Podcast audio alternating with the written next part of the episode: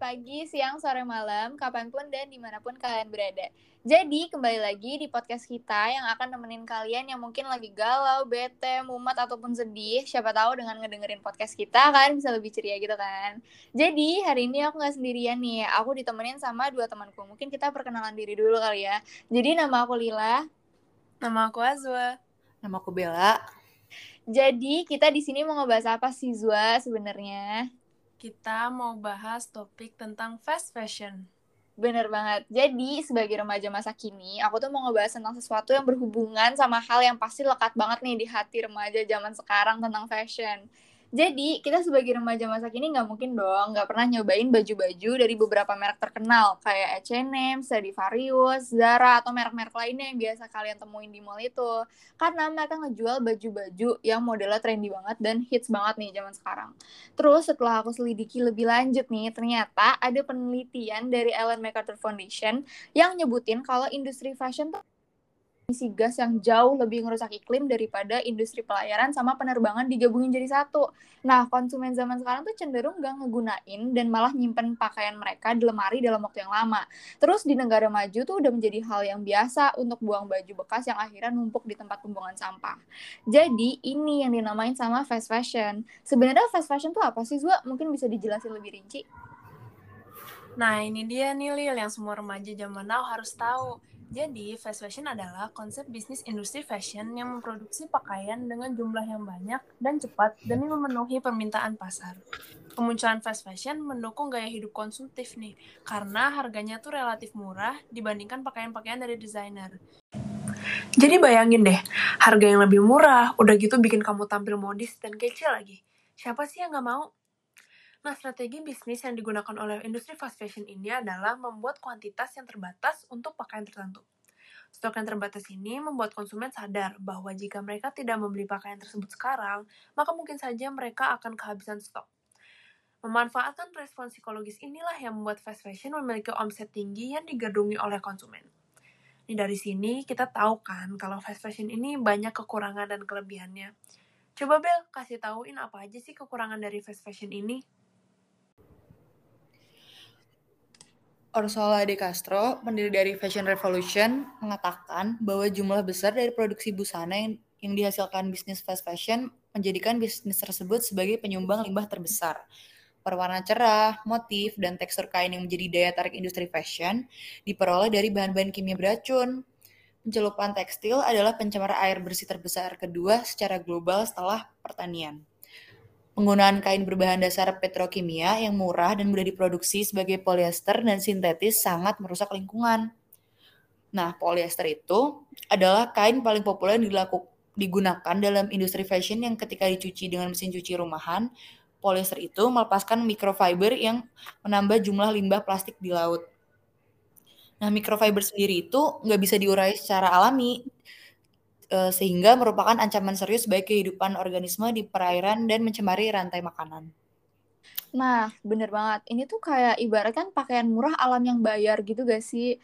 Terus aku setuju banget sama Bella. Udah gitu fast fashion tuh juga ngehasilin emisi karbon dalam proses produksinya. Terus pemilik industri fashion tuh ngebuka pabriknya di negara berkembang kayak Vietnam, Filipina, sama Indonesia. Tapi sayangnya negara-negara ini tuh nggak punya bahan mentah yang dibutuhin dan harus didatengin dari negara lain kayak Cina, Amerika, dan India. Terus setelah produksi selesai, pakaian kan bakal dikirim tuh ke seluruh penjuru dunia pakai kapal. Udah gitu dikirim ke pengecer pakai truk dan kereta api. Coba bayangin berapa banyak emisi karbon coba yang dihasilin. Yap, bener banget, Lil. Terus nggak cuman itu, tahu nggak sih? Karena harganya yang murah dan tren yang terus dan cepat berubah, konsumen tidak merasa sayang untuk membuang pakaian lama mereka dan membeli pakaian baru agar mereka mengikuti tren mode. Di Australia, setiap orang membeli 27 kg pakaian per tahun, dan sayangnya 23 kg di antaranya berakhir di tempat sampah. Kain yang membusuk dan melepaskan gas menata di udara yang tentunya berkontribusi besar terhadap pemanasan global ini sangat berbahaya. Terus kebayang nggak sih mereka tuh bisa ya ngeproduksi baju dengan harga yang relatif murah. Gimana coba cara pembuatannya? Jadi brand fast fashion itu kerjasama dengan industri garment di negara-negara Asia yang punya standar upah pekerja yang jauh lebih rendah daripada negara-negara yang lain. Terus uh, aku lihat juga dari Business Insider, rata-rata upah pekerja industri garment di Bangladesh adalah 87 dolar per bulan atau setara dengan 1,2 juta rupiah. Sebanyak 20 sampai 60 persen adalah pekerja tidak resmi yang terdiri dari ibu rumah tangga. Di Bangladesh, ibu rumah tangga tersebut juga memperkerja, memperkerjakan anak-anaknya di rumah. Bener banget tuh. Jadi gimana sih cara kita ngurangin penggunaan pakaian fast fashion ini? Mungkin bisa dijelasin, Zua?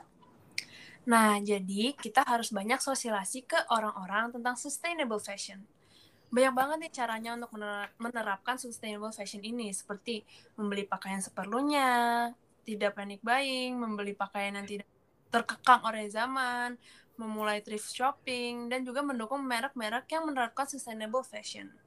Yang lebih keren lagi nih, sustainable fashion ini juga mengutamakan kesejahteraan pekerja industrinya. Wah gila keren banget ya berarti. Terus sekarang udah banyak loh artis-artis yang ngedukung sustainable fashion atau yang biasa disebut juga dengan eco fashion. Siapa aja tuh Lil?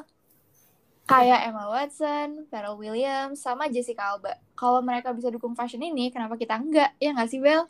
Bener banget, Lil. Sebenarnya ada beberapa cara simpel yang bisa kita lakukan untuk meminimalisir tren fast fashion cara paling mudah itu dengan membeli baju lebih jarang dan membeli baju dengan kualitas yang bagus.